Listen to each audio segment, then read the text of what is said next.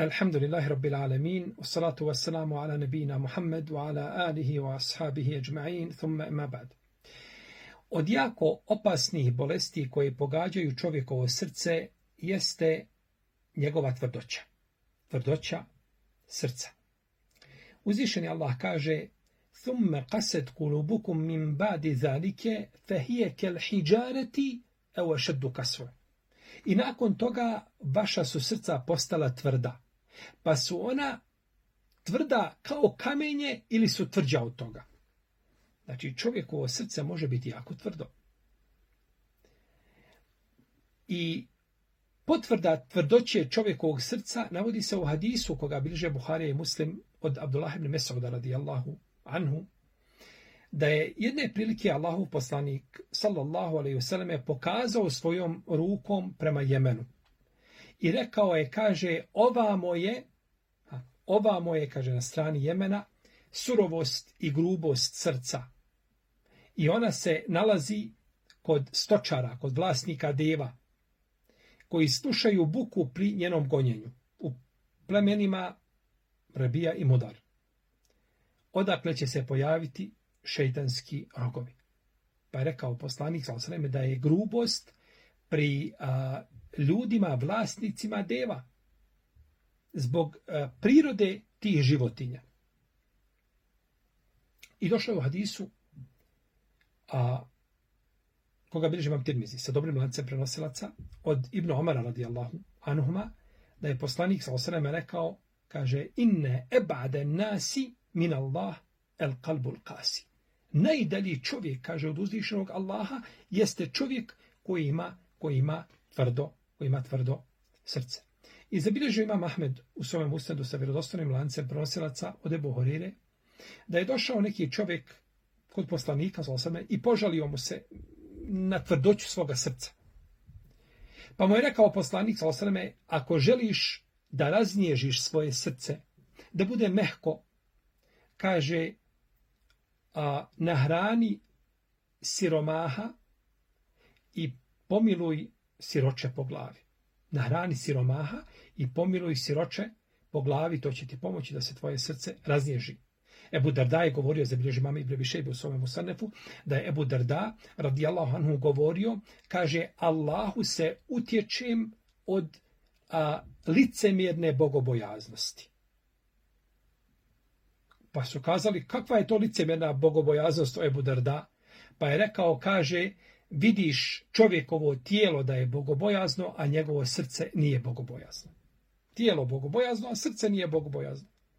Naši fakihi, naši učenjaci, islamski pravnici su davali ljudima savjete. Od tih savjeta jesu sljedeći. Da su govorili, kažu, ko bude radio za ahiret, Allah će mu preuzeti njegove dunjalučke potrebe. Allah će mu riješiti njegove dunjalučke potrebe i neće sa tim imati nikakvih opterećenja. Ko kaže bude popravio svoju nutrinu, Allah će popraviti njegovu spolješnjost. Jer je nutrina osnova, srce je osnova. I kaže, kažu učenjaci, ko popravi između sebe i Allaha vezu, kaže Allah će popraviti njegov odnos sa ljudima, sa Allahovim stvorenjima. I nemoguće je da čovjek ima lijep odnos sa svojim gospodarom, a da nema lijep odnos sa ljudima. Jer lijep odnos sa Allahom mora rezultirati lijepim odnosom, lijepim odnosom jeli, sa Allahovim, sa Allahovim stvorenjima. I zabilježu imam Ibn Asakir u svojoj velikoj povijesti od Ahmeda Ibn Bil Havarija, da kaže, čuo sam Sulejmana Eddaranija, Ebu Sulejmana Eddaranija, da je rekao, kaže, ako bude u srcu čovjeka a, ahiret, kaže, dođe Dunjaluk i pravi konkurenciju. U srcu čovjeka ahiret, Dunjaluk dolazi i nameće se. A kaže, ako u srcu čovjeka bude Dunjaluk, ahiret neće doći i nametati se. Jer je, kaže, ahiret je ponosan, a Dunjaluk je prezren. Pa Dunjaluk dolazi da pravi konkurenciju samo od sebe, ali Ahiret to neće. Pa čovjek mora pobrinuti, pobrinuti se o svome srcu, znači da, da u njegovom srcu bude najveći udio, udio za, za Ahiret. I zabilježio imam Ebu Nuaym u svome djelu Hilije od Hasana ibn Atije radijallahu anhu da je govorio, kaže, ljudi stoje u namazu, u istom namazu, isti namaz klanjuju, iza istog imama, kaže, između njihovih namaza, kao između nebesa i zemlje. Da. Stoje rame uz rame, uče iste zikrove, slušaju istog imama, a njihovi namazi se u veliko razliku. Zbog čega se razlikuju? Zbog srca. Zbog srca. Zbog onoga što je u srcu. To je ta razlika.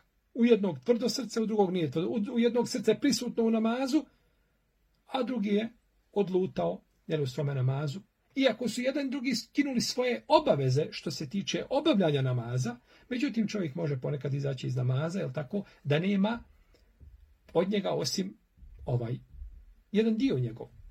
Bilo da je to ovaj petina, šestina, sedmina, osmina, desetina, ovisno znači koliko je bio prisutan jeli, u svome u svome namazu. Pa je čovjekovo srce, pa je čovjekovo srce znači ta osnova na koju se na koju se sve sve vraća molimo stvoritelja te barake o ta'ala da popravi stanja naših srca. Wallahu ta'ala anem, wa sallillahu me ala nebina Muhammed, wa ala alihi, wa ashabihi, ajma'in.